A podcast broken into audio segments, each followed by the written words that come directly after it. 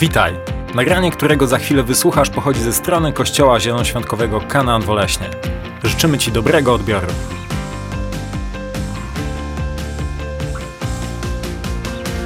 Taka rzecz, którą odkryłem niedawno, może to Was zachęci. Nie wiem, czy sobie zdajecie sprawę z tego, że jesteście unikatowi. I na pewno to słyszeliście, jesteś jedyny w swoim rodzaju, ale na pewno nie macie pojęcia, co to znaczy. Więc Wam wyjaśnię. Wyobraźcie sobie, że trzymacie talię kart. Talia kart ma 52 karty. I żeby oszacować, ile jest możliwości potasowania tej talii, się używa takiego matematycznego zwrotu 52 silnia. To znaczy, że to jest 52 razy 51 razy 50 i tak dalej, aż do jedynki. Okazuje się, że to jest tak wielka liczba, że jeżeli weźmiecie tą talię kart i przez dwie minuty będziecie ją tasować, to najprawdopodobniej otrzymacie ustawienie kart, które zostało pierwszy raz w całej historii wszechświata tak ustawione. A jeżeli weźmiecie sobie tą talię kart i będziecie tasować ją co dwie minuty i tak za każdym razem, to żeby przejść przez wszystkie kombinacje, jeżeli żadna nie będzie wypadać po raz kolejny, spędzicie nad tym dobrych kilka miliardów lat. Jeżeli się nie pomyliłem, to prawdopodobnie przestrzelicie naukowy wiek wszechświata tym, ile razy będziecie układać te karty. Okazuje się, że człowiek w swojej ilości i zbudowaniu z DNA nie ma 52 różnych tam kombinacji, jest tego znacznie, znacznie więcej. To jest poziom tego, jak unikatowy każdy z nas jest. Mam nadzieję, że to Was na tyle zachęciło, żeby mnie teraz posłuchać. To była taka naukowa trivia, żeby dzieci mogły pójść i wiemy, że już nie ma tutaj żadnych dzieci, bo nie marudzą, że to jest nudne. Ale zastanawiałem się, co tutaj w ogóle powiedzieć. Wiecie, proste jest wziąć książkę jakąś chrześcijańską, przeczytać, streścić to, wyjść na scenę, powiedzieć fajne kazanie, powiedzieć, że to przeczytałem w tej książce jest, jest spoko. I to na pewno działa, bo to jakiś pastor gdzieś tam znalazł, zobaczył, że tak działa życie z Panem Bogiem. Dużo trudniej jest przyjść do Pana Boga i powiedzieć: OK, Panie Boże, to co Ty chcesz, żebym tutaj robił? Co Ty chcesz, żebym powiedział? I chodziłem i się tak zmagałem ze sobą, co Bóg chce robić. Jakbym pisał na kartce papieru, to bym ją już zgniótł kilka razy i wyrzucił do śmieci. Potem bym ją odgrzebał, że jednak ten pomysł może był dobry. I, i chodziłem, modliłem się. I to jest niesamowite, bo to, co się tutaj działo w trakcie uwielbienia, to jest mniej więcej to, co Bóg do mnie mówił. To jest owoc mojego czasu spotkania z Bogiem, pojawił się tutaj na scenie, kiedy muzycy dla nas grali, kiedy uwielbiali, to było absolutnie niesamowite. I jeżeli jesteście głodni w ogóle takiego czasu spotkania z Bogiem, tak jak się tutaj to działo przed nabożeństwem, gorąco was zachęcam, abyście przyszli na modlitwę. Tam jest jeszcze więcej tego. Jest jeszcze więcej tego czasu, który jest skoncentrowany na uwielbieniu Boga. Nie musicie słuchać mówcy, ale warto. Ale możecie się skupić na Bogu. W tym tygodniu, kiedy byłem na modlitwie, to było fenomenalne i powalające. Ale wracając do głównego tematu, po co w ogóle tutaj stoję? Wiecie, myśląc o tym, Bóg mi powiedział: No, nie możesz głosić o, o rzeczach, na których się nie znasz. Nie powiem wam, jak prowadzić super firmę. Prowadziłem kiedyś firmę, to nie było super. Nie podzielę się tym z wami. Nie powiem wam, jak być super ojcem, bo odkrywam w sobie za każdym razem, że są rzeczy, w których nie domagam jako super ojciec. Więc jestem tylko zwykłym ojcem. Wiem rozczarowanie. Nie powiem wam, jak być supermężem. Historia mniej więcej ta sama jak z byciem ojcem. Nie wiem, jak być dziadkiem. Wszystko przede mną. Mam nadzieję, że nie za szybko. Ale już szykuję zapas cukierków, żeby rozpieszczać moje wnuczęta i później mówić moim dzieciom, macie za swoje. Głośne zabawki też się szykują w szafie. Wszystko będzie we właściwym czasie. Ale kiedy tak nad tym myślałem, to doszło do mnie, że muszę powiedzieć o czymś, z czym się zmagam. Zmagam od jakiegoś czasu, zmagam z tym regularnie i to wraca, odchodzi i wraca w różnych wydaniach. Muszę się podzielić tym, jak przechodzić przez trudny czas. I każdy z nas przechodzi przez trudny czas w swoim życiu.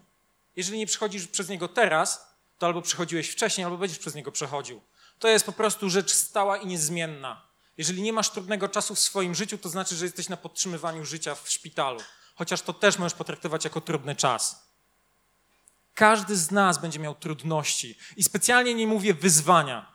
Wyzwania to jest coś trochę innego. Mówię o trudnym czasie. Mówię o czasie, kiedy wstajesz rano i czujesz się zgnieciony. Nie chce ci się żyć, nie chce ci się nic robić. Czujesz, że za cokolwiek się nie łapiesz, to cię denerwuje, wkurza, po prostu rzuciłbyś to. Masz myśl tylko o tej jednej rzeczy, która cię denerwuje, która cię przygniata. I kiedy ktoś do ciebie e, przychodzi i mówi, o, poczuj się lepiej, to tak trochę jakby, jakby mówił do ciebie, nie masz humoru? To go miej! A ty się zastanawiasz, o co ci gościu chodzi? Mogę cię pobić teraz, się źle czuję, zostaw mnie. Wiecie, to jest takie uczucie, jakby ktoś za tobą stał i cały czas ci dyszał na kark i cieszył się z każdego twojego najmniejszego potknięcia. I wiedział, że zaraz coś ci się nie uda, i ty wiesz, że to coś po prostu zaraz się będzie cieszyć. To coś to jest diabeł szatan, który cały czas czeka na każde twoje potknięcie, żeby je celebrować i żeby zrobić z niego cały wielki cyrk. Jak ci bardzo nie wychodzi. Kiedy myślałem o trudnym czasie, jak przez niego przechodzić, jak zostałem nauczony, jak Biblia pokazuje, żeby przez niego przechodzić, to stwierdziłem, że to są różne rzeczy. Wiecie, często myślimy, trzeba to, nazwijmy to, rozchodzić, tak? Że czas leczy rany. Może to prawda, żyję tylko 30 lat, jeszcze nie uleczył moich ran. No, trochę więcej jak 30. Dodałem sobie. Wiecie, to nie jest tak, że czasu leczy rany. To nie jest tak, że cokolwiek zabierze ten ból, zabierze uczucie porażki, zabierze uczucie nieadekwatności, zabierze taki e, syndrom tego, że, że wiesz, że coś jest nie, nie halo i nie wiesz, co z tym zrobić. Więc zastanowiłem się, okay, to, to jak się to działo w Biblii? Tak? Jestem chrześcijaninem, mówię, że idę za Jezusem. To, to co Biblia pokazuje, jak się rozprawiamy z wyzwaniami i trudnym czasem. No i otworzyłem Stary Testament i okazało się, że trzeba zabić Goliata. Ale okazuje się, że w dzisiejszych czasach to się nazywa morderstwo i nie jest tak przychylnie patrzone. Więc pomyślałem, okej, okay, to nie jest tak, że ludzie, z którymi się nie dogaduję, że sytuacje, w których to nie działa, to mogę to zabić. To, to, to nie są te realia. Bądźmy adekwatni do naszych czasów. Więc dalej się modliłem, jak to wygląda? Co ja mam zrobić w tym trudnym czasie? Tak? Gdzie, gdzie Ty jesteś, Boże, kiedy ja się czuję źle, czuję się dojechany i kiedy modlę się do Ciebie, Panie, zabierz to, to, to nie widzę wyjścia. I patrząc się na Biblię, a wertowałem ją kilka razy, mówiąc wertowałem, nie mam na myśli, że czytałem fragment dnia albo to, co miałem do przeczytania w danym dniu. Przeleciałem przez wszystkie Ewangelie w tym tygodniu kilkukrotnie szukając fragmentów. I Bóg pokazał mi jeden niesamowity fragment. Jedną niesamowitą rzecz. I to jest po prostu perła. Kiedy popatrzycie się na Nowy Testament, kiedy popatrzycie się na Jezusa, była sytuacja w jego życiu. Była sytuacja, kiedy Jan Chrzciciel został pojmany, został wtrącony do więzienia i został zabity. I trochę ciężko nam jest się z tym utożsamić, tak? Więc spróbujmy to zbliżyć do naszych realiów. Jan Chrzciciel to był kuzyn Jezusa. Można powiedzieć, że to był taki dalszy brat. Rodziny były wtedy bardziej zżyte jak dzisiaj, gdzie rodzeństwo się jeszcze trzyma, kuzynostwo trochę mniej i tak dalej, i tak dalej, tak? To był, była powiedzmy jego bliska rodzina.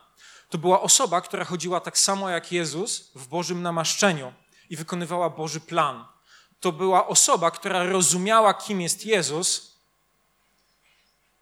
o czym też możemy przeczytać w Ewangelii, i to jest osoba, którą rozumiał Jezus. Osoba, którą szanował Jezus za to, co robi. I to jest osoba, której życie zostało nagle tragicznie przerwane poprzez wyrok śmierci. I dziękuję Bogu, że nie mam takiej sytuacji w moim życiu. Ale ta sytuacja musiała być miażdżąca dla Jezusa. On jest w trakcie tego, do czego został powołany. Idzie do Izraela, głosi dobrą nowinę, że przyszedł Mesjasz, że przyszedł Boży Baranek, żeby zgładzić ich grzechy, żeby wyzwolić ich spod ucisku, ale nie ucisku fizycznego, spod panowania Rzymu, ale spod ucisku duchowego, dać im wolność, o której marzą, o której jeszcze nawet nie wiedzą, nie rozumieją, są jak dzieci. Oni proszą o coś, ale nie rozumieją tego w stu procentach. Oni proszą o wolność, ale nie rozumieją, że nie proszą tylko o wolność taką tutaj cielesną, żeby mogli robić co chcą, wyznawać Boga, którego chcą wyznawać, żyć życiem, o którym pisze pisze w, e, w Starym Testamencie w tamtym czasie, ale że chcą tak naprawdę pełnej wolności, chcą pełnego życia, chcą czegoś więcej, chcą życia duchowego. I Jezus właśnie to robił, im obwieszcza i nagle przychodzi taki cios. Taki cios, jaki może się pojawić w naszym życiu, kiedy zaczynasz robić coś dla Boga i pojawia się cios. Coś, co ciebie zwala z nóg i sprawia, że tobie się nie chce. Że chcesz napisać list rezygnacji i odłożyć to na później. A więc zobaczmy ten fragment.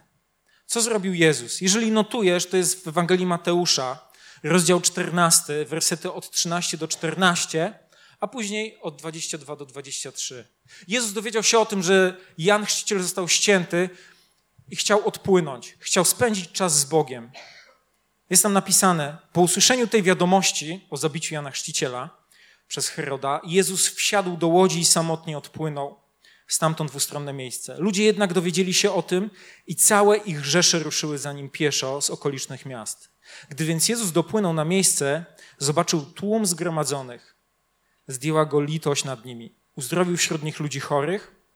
Później przechodzimy dalej do 22-23 wersetu. Zaraz potem wymógł na swoich uczniach, aby wsiedli do łodzi i popłynęli przed nim na drugą stronę jeziora. A on miał zostać i rozpuścić tłum. Gdy to uczynił, wszedł samotnie na górę, aby się pomodlić. Nastał wieczór i był sam. To jest sytuacja, gdzie Jezus popłynął w samotne miejsce, gdzie się pojawili ludzie i potem nastąpił ten cud rozmnożenia pięciu chlebów i dwóch ryb. Sprawdziłem. I to był niesamowity czas, ale potem widzimy, że Jezus z powrotem wrócił do planu A, czyli spotkania się z Bogiem. I pierwsza rzecz, którą musimy zrozumieć o trudnościach w naszym życiu, że tak naprawdę, przynajmniej w moim zauważyłem, że są dwa rodzaje. Że są trudności zewnętrzne, rzeczy, na które nie mamy wpływu. Totalnie poza naszą kontrolą. Jeżeli teraz w Ziemię uderzyłaby asteroida, to cokolwiek byś nie zrobił, jakikolwiek rytuał, to nie zmieni tego, że asteroida leci w Ziemię i uderzy w Ziemię, tak? Nie masz wpływu na to, to jest poza twoim zasięgiem. Fizycznie nie masz takiej możliwości, żeby cokolwiek zrobić. Nie mamy wpływu na to, co robią wielcy mocarze tego świata, jak ze sobą walczą za naszą granicą. Nie mamy na to wpływu. W takim sensie, że nie mamy dostępu do dyktatorów, nie możemy im powiedzieć, to co robisz jest złe i głupie, przestań. Nie mamy na to wpływu. Nie mamy wpływu na innych ludzi i na ich wolną wolę. I to są właśnie rzeczy zewnętrzne. A są też rzeczy wewnętrzne. Są nasze głupie decyzje. Głupie decyzje o na przykład wzięciu kredytu ponad nasze możliwości. Głupia decyzja, aby poświęcić swój czas na coś innego, gdzie Bóg ciebie pcha w zupełnie innym kierunku. Głupia decyzja, aby, mm, aby robić pewne rzeczy, które ciebie niszczą, złe nawyki, które ciebie ciągle niszczą i nie podejmujesz decyzji, aby coś z tym zrobić. To jest, te rzeczy mogą powodować trudny czas. Zarówno te zewnętrzne, jak i wewnętrzne. Będziesz się czuł tak samo zmiażdżony, tak samo dojechany i tak samo nie będziesz miał ochoty następnego ranka wstać i zrobić coś z tym. Ale na szczęście jest Bóg, który ma dla nas łaskę, ma dla nas mądrość. Patrząc się na ten fragment, to pierwsze, co zrobił Jezus, to nie zrobił czegoś, co, do czego ja mam tendencję. Pójść i kłapać dziobem, że jest źle. Pójść pogadać ze znajomymi. Pójść zrobić to, tamto, wamto. Nie. Jezus zrobił jedną rzecz. Jezus poszedł szukać Ojca w górze. On nie porozmawiał sam ze sobą, nie porozmawiał ze swoimi uczniami, nie porozmawiał z nikim innym. On chciał pójść po tej wiadomości na odludne miejsce i tam pomodlić się do Boga. Po pierwsze, musimy szukać Boga, który jest w górze. Musimy szukać Jego obecności i musimy szukać Jego woli. To nie jest proste. To jest taka, wiecie, może wyświechtana fraza: idź się pomodlić do Boga. Kiedy wszystko cię rozprasza i masz się źle, kiedy wszystko, co jest w tobie, woła, pomyśl o tym, zajmij się tym tematem to ciebie dręczy, to w ogóle ci nie pomaga, żeby spotkać się z Bogiem, ale tym bardziej musimy pójść i szukać Jego obecności. Musimy pójść i szukać tego, co On ma dla nas. Pójść i zadawać Mu pytanie, Boże, a co Ty chcesz ode mnie w tej sytuacji? Czy ja coś zrobiłem nie tak, czy może te rzeczy są nie tak? to ty mi powiedz, co dalej.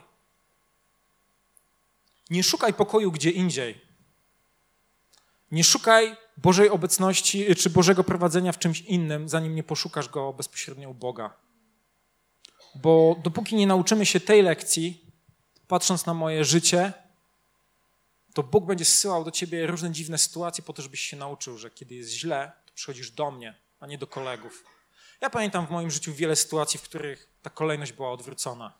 Jasne, kiedy pójdziesz do Boga, porozmawiasz z nimi, sprawa się powiedzmy wstępnie wyjaśni, Bóg da ci plan działania, to idź za tym. Ale niech twoi znajomi, niech twoja rodzina, niech ktokolwiek inny poza Bogiem nie będzie pierwszy do tego, żeby pogadać o tym, że coś jest nie tak w twoim sercu. To jest Boga. Po drugie, nie możesz być posłuszny. E, po drugie, musisz posłucha, e, poszukać Bożej woli i Bożego powołania. Nie możesz być tak naprawdę posłuszny Bożemu. E, co? Nie, przepraszam.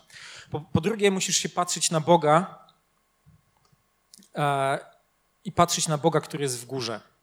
Dlaczego to jest ważne? To jest ważne dlatego, że kiedy zaczynasz patrzeć się na górę, możemy zrobić taki mały eksperyment. Podnieś swoją głowę i popatrz do góry.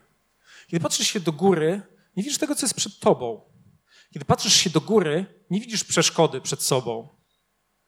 Kiedy patrzysz się do góry, to przestaje ciebie obchodzić, bo jak to mówią, czego oczy nie widzą, tego sercu nie żal. Jest to dziwne przysłowie, ale jest stuprocentowo prawdziwe. Kiedy czegoś nie widzimy, to przestajemy się na tym skupiać. Dlatego tak ważne jest, aby patrzeć się na Boga w górze. I ważne jest, aby patrzeć na Boga w górze, dlatego że w którymś momencie zaczynamy zmieniać perspektywę. Nie mam na myśli jakiegoś, wiecie, wyjścia z ciała i innych takich rzeczy. Mam na myśli, że kiedy zaczynasz spędzać czas z Bogiem i On zaczyna do ciebie mówić, i On zaczyna ci mówić rzeczy, które On widzi, to twoja perspektywa na ten problem zaczyna się zmieniać. Na początek na problem patrzysz tak. Po jakimś czasie patrzysz na problem tak, a później zaczynasz się na niego patrzeć tak. I wtedy problem przestaje być problemem. Wtedy to zaczyna być okoliczność, którą po prostu obejdziesz i pójdziesz dalej. Wtedy Bóg zaczyna ci mówić, co możesz z tym zrobić, a twoje serce nie jest tak bardzo przerażone tym atakiem, jest w stanie zacząć robić coś, a nie tylko jak dziecko wołać, ale zrób coś, zrób coś, zrób coś. Bogu zależy na tym, abyśmy przyszli do Niego i spotkali się z Nim. Po drugie, w tej całej sytuacji, pomimo tego, że Jezus chciał się spotkać z Bogiem, chciał spędzić z Nim czas sam na sam, chciał się przytulić do ojcowskiego serca, nie mógł, bo pojawili się ludzie. I nie widzimy tutaj Jezusa, który mówi: Sorry, hola, hola, wasze choroby muszą poczekać. Wasze choroby są dla mnie mniej ważne niż ta sytuacja, która się wydarzyła w moim życiu. Nie, widzimy Jezusa, który był totalnie świadomy swojego powołania i obdarowania. On był wysłany do Izraela, tak jak wspomniałem wcześniej, czyli do swojego narodu, aby głosić dobrą nowinę, aby uzdrawiać, aby uwalniać jeńców i wyprowadzać ich na wolność. I kiedy zobaczył tych ludzi, którzy przyszli do niego, to był posłuszny swojemu powołaniu. Był w stu procentach posłuszny temu, do czego wysłał go Bóg. I to jest niesamowita lekcja. Tak często, kiedy jest nam źle, stawiamy swój problem ponad powołanie, które daje nam Bóg. Stawiamy swoje, swój ból ponad ból innych. A Jezus nam wyraźnie pokazuje: nie. To jest powołanie, które dostałem od Boga. On wierzy w to, że jestem w stanie to wykonać. Przyjdzie czas na to, żeby spotkać się z Bogiem, ale teraz wykonam plan i misję, którą On ma dla mnie. Wiecie, czasami jest sytuacja, kiedy ja jako ziemski ojciec mówię Adasiowi, żeby coś zrobił. I kiedy o, ja mu mówię, żeby coś zrobił, to ja mam na myśli, zrób to teraz, później pogadamy, czy to ma sens, czy ty to rozumiesz i tak dalej. Ale jeżeli to jest proste w stylu pójdź tam, przynieś mi to, to ja nie chcę mu tłumaczyć, potrzebuję, żebyś przyniósł mi tą rzecz, ponieważ ja zaraz wezmę z nią, zrobię to, to i to. I to się układa w taki sposób w moim planie. Nie. Ja chcę, żeby on przyszedł, zrobił to i przyniósł mi wynik. Tak? Jakikolwiek to nie jest. Przyniósł butelkę wody, podał pilota do telewizora, cokolwiek. To jest, to jest moje, moja potrzeba w danym momencie, nie potrzebuję jej wyjaśniać. Z Bogiem jest dokładnie tak samo. Posłał nas tutaj w jakimś konkretnym celu. Nie musimy rozumieć tego celu. Tak? Wystarczy, że wiemy, co On od nas chce i powinniśmy się trzymać tego planu. I widzimy to w wersetach 13b do 14. Ludzie jednak dowiedzieli się o tym i całe ich rzesze ruszyły za nim. Pieszo z okolic miast. Gdy więc Jezus dopłynął na miejsce, zobaczył tłum zgromadzonych. Zdjęła go litość nad nimi, uzdrowił wśród nich ludzi chorych. Widzicie, pomimo dramatu, który wydarzył się w jego życiu, pomimo straty, która wypełniła nagle jego życie, on był przede wszystkim posłuszny powołaniu. Ale jest jeszcze jedna ważna rzecz w tym. Nie możesz być posłuszny powołaniu, którego nie znasz. Nie możesz być posłuszny powołaniu, jeżeli go wcześniej nie otrzymałeś od Boga. Dlatego tak ważne jest, żeby rozprawić się z trudnymi, z trudnymi momentami, chwilami w naszym życiu. Ważne jest, żeby spotykać się z Bogiem i odkrywać to powołanie, które On dla nas ma. To jest zupełnie inny temat, ale jest on równie ważny. Bo kiedy Bóg nam daje jakieś rzeczy, to często są takie klocki, które zaczynają się układać w naszym życiu i zaczynają do siebie pasować jak puzzle. Więc mamy skupić się na swoim powołaniu, mamy odkrywać swoje powołanie, jeżeli go nie znamy, mamy spędzać czas z Bogiem, mamy czytać indywidualne proroctwa, mamy słuchać słowa Rema. Ja w tym tygodniu, kiedy przychodziłem przez taki czas, mam katalog w moim notatniku elektronicznym, nazywam go proroctwa, bo mam zazwyczaj taki śmietnik, że się zgubię w tym, co mam. I tam zapisuję wszystkie proroctwa. Każde jedno proroctwo, które było w moim życiu od, od roku 2017 jest tam zapisane. Mam jakieś starsze zapisane w zeszytach i muszę je sobie przenieść do tego notatnika. I mam jeszcze jedno nagranie z 2015. Od 2015 do dzisiaj to jest 7 lat. I słucham sobie tych proroctw. Nie będę się dzielił, co tam jest, ale niektóre już się spełniły, a niektóre wiesz, że są w drodze. Niektóre się pojawiały od różnych osób i widzę, co Bóg chce robić. Ale ważne jest, żeby sobie zapisywać te rzeczy, które Bóg do ciebie mówi. Sowa to nie jest tylko jakiś tam system czytania Biblii. To nie jest tam jakieś takie wymysł, który tutaj mamy. Sowa to jest narzędzie, które ma pomóc przede wszystkim Tobie w relacji z Bogiem i nikomu innemu.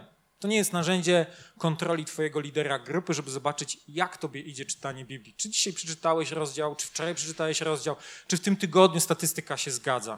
To jest tylko i wyłącznie narzędzie do tego, abyś mógł się spotkać z Bogiem, mógł przeczytać to, co On ma dla Ciebie na dany dzień, mógł to zaimplementować w swoim życiu, wdrożyć to, zacząć żyć według tego i zobaczyć owoc, który za tym idzie.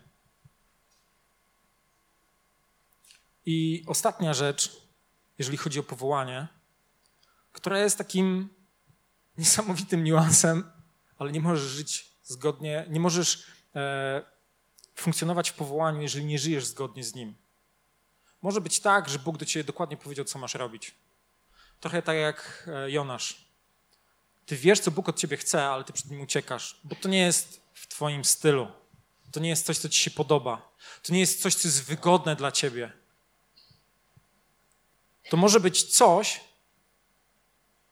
o czym się modliłeś do Boga, Panie Boże, tylko nie to. Nie jesteś w stanie żyć zgodnie z powołaniem, jeżeli przed nim uciekasz. Dlatego, kiedy Bóg mówi do ciebie o powołaniu, poddaj się temu i idź za tym. To jest kluczowe, abyś przeszedł przez ten ciężki czas. Po trzecie, Jezus nam pokazuje, że jeżeli po tej modlitwie, po tym służeniu ciągle jest źle, powtórz to od początku. Widzimy w wersetach 22 i 3, kiedy już tłum się rozpieszł, został nakarmiony i rozesłany przez Jezusa, zaraz potem wymógł na swoich uczniach, aby wsiedli do łodzi i popłynęli przed nim na drugą stronę jeziora.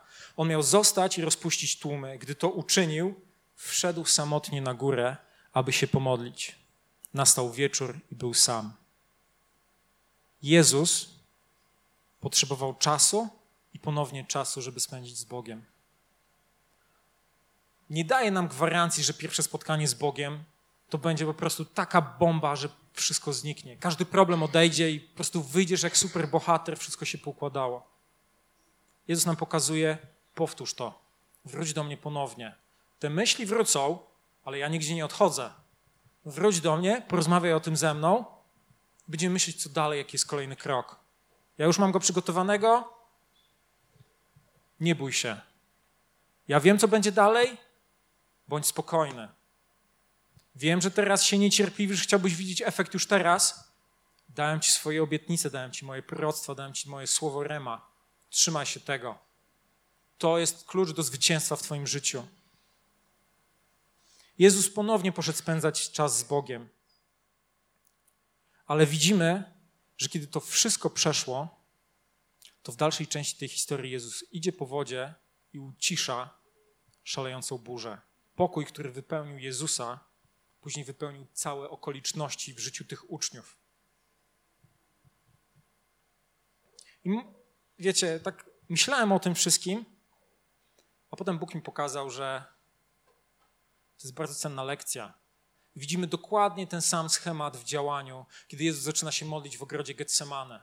Kiedy idzie ze swoimi uczniami i trzy razy wraca do Boga i się modli w samotności. Boże, oddal ten kielich.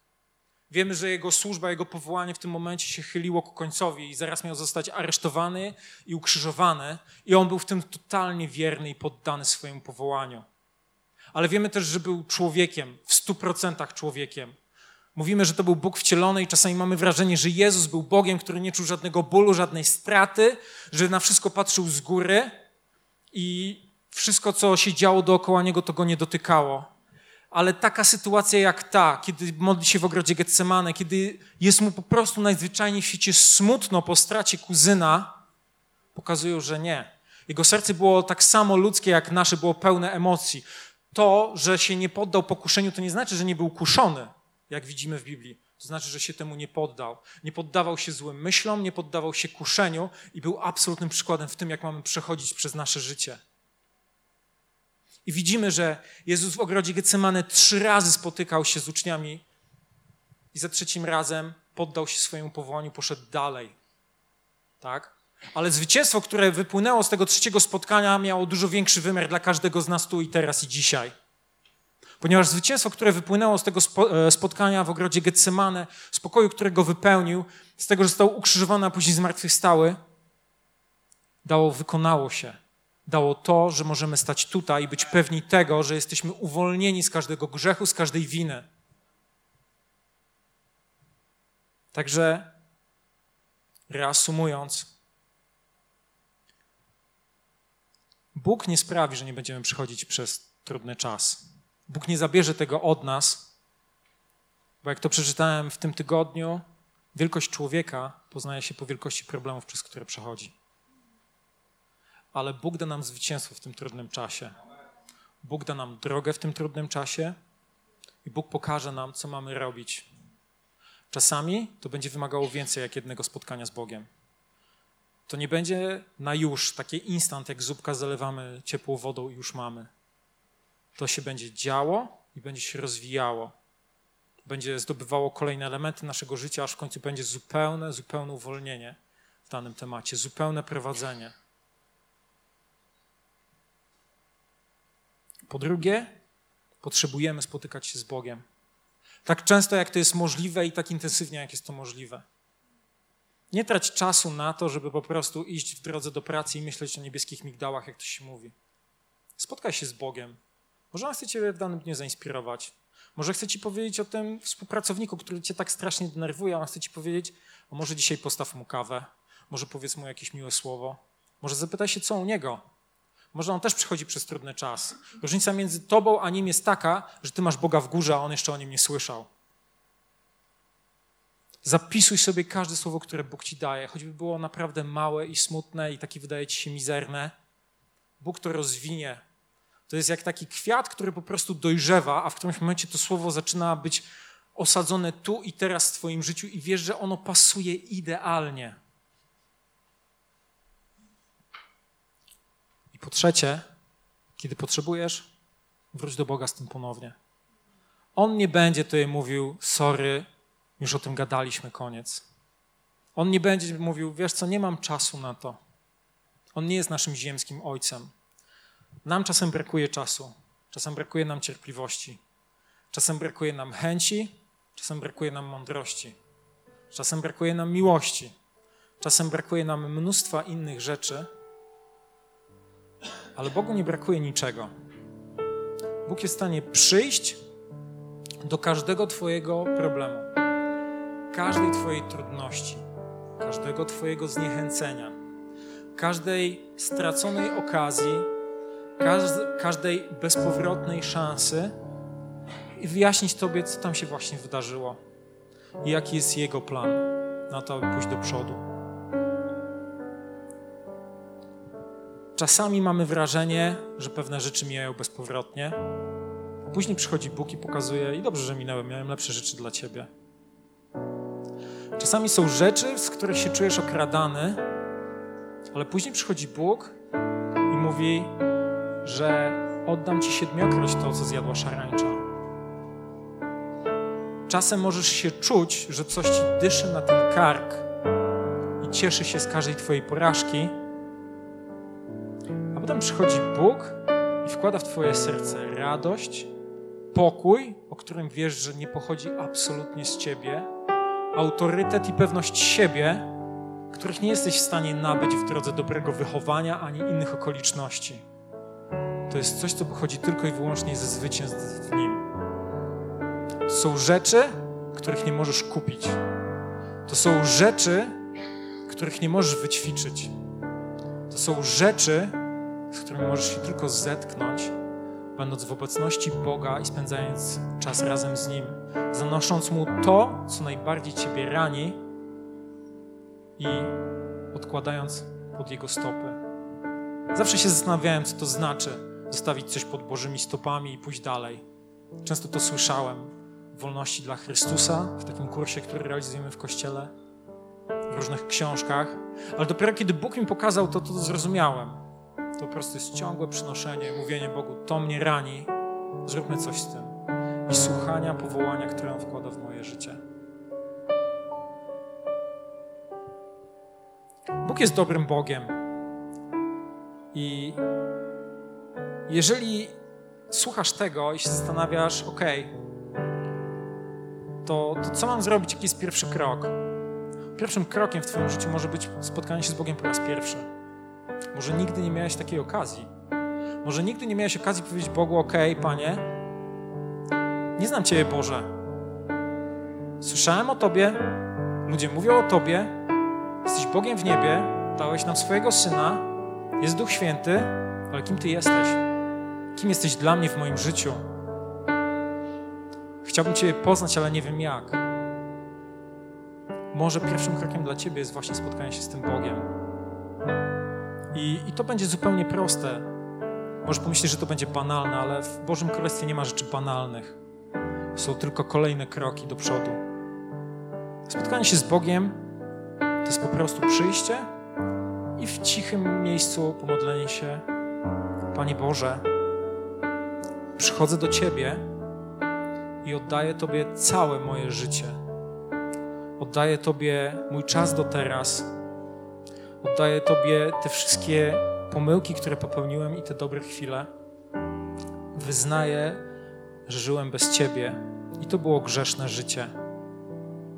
Pragnę żyć z Tobą każdego dnia i pragnę poddać Ci swoje życie, poddać moje decyzje i pragnę, aby Jezus Chrystus był Panem mojego życia, aby iść za Nim do końca mojego życia. Amen. To jest tak proste ale możesz też być w tym miejscu, znać Boga, zastanawiać się, co dalej. Zastanawiać się, ok, to, to co teraz zrobimy? Tu i teraz nie ma potrzeby, żebyś służył innym. Tu i teraz to jest Twój czas cichości i spotkania się z Bogiem. Może jest coś w Twoim sercu, co Ciebie teraz rani, co Cię kuje, co potrzebuje Bożej interwencji, potrzebuje Jego głosu, Jego prowadzenia. Jeżeli tak jest, to chciałbym, żebyś pochylił swoją głowę zastanowił się nad tym i po cichu powiedział: Panie Boże, co z tym zrobimy? Panie Boże, rozpraw się z tym. Panie Boże, mów do mnie i prowadź mnie.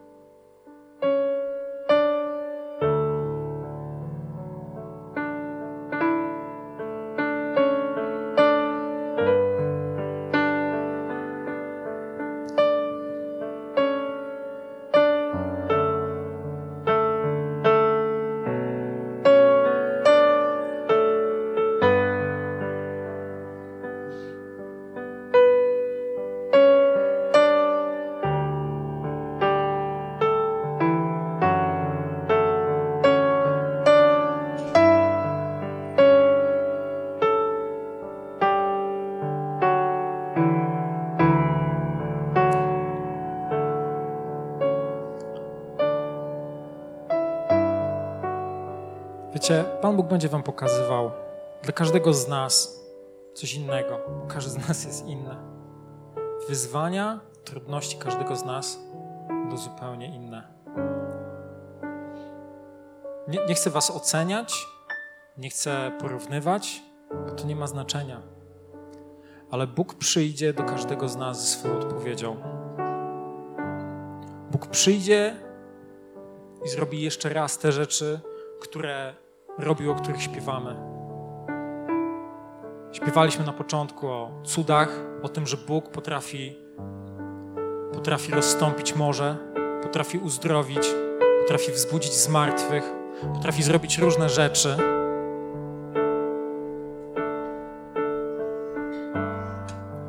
Bóg potrafi przyjść do naszych problemów, potrafi zrobić coś z tym jeszcze raz. To nie ma znaczenia, ile razy będzie musiał przyjść. On to zrobi, bo jesteśmy Jego dziećmi, bo jesteśmy Jego synami i córkami. I On chce czynić swoją wolę w naszym życiu. Teraz zostawię Was zespołem, zostawię Was tą piosenką, zrobisz to jeszcze raz. Po prostu pomódlmy się, bądźmy w obecności Ducha Świętego. Jeżeli jest coś w Twoim sercu, o co chciałbyś, żebyśmy się modlili, może wyjść do przodu. Osoby, które się modlą, przyjdą, pomodlą się o Ciebie. Może chcesz posiedzieć w miejscu, po prostu spotkać się z Bogiem. To jest Twoja relacja z Bogiem, to jest Twój Ojciec. On ma dobre rzeczy dla Ciebie. Amen. Witaj ponownie. Dziękujemy za wysłuchanie tego nagrania i mamy nadzieję, że pomoże Ci ono zbliżyć się do Boga. Jeśli dziś podejmujesz decyzję o zaufaniu Jezusowi i uznaniu Go Twoim Zbawicielem, to chcemy Ci pogratulować. Modlimy się o Boże działanie w Twoim życiu i zapraszamy Cię serdecznie do Kanaanu, ponieważ wierzymy, że Kościół, czyli wspólnota wierzących ludzi, to najlepsze miejsce do wzrostu i rozwoju duchowego.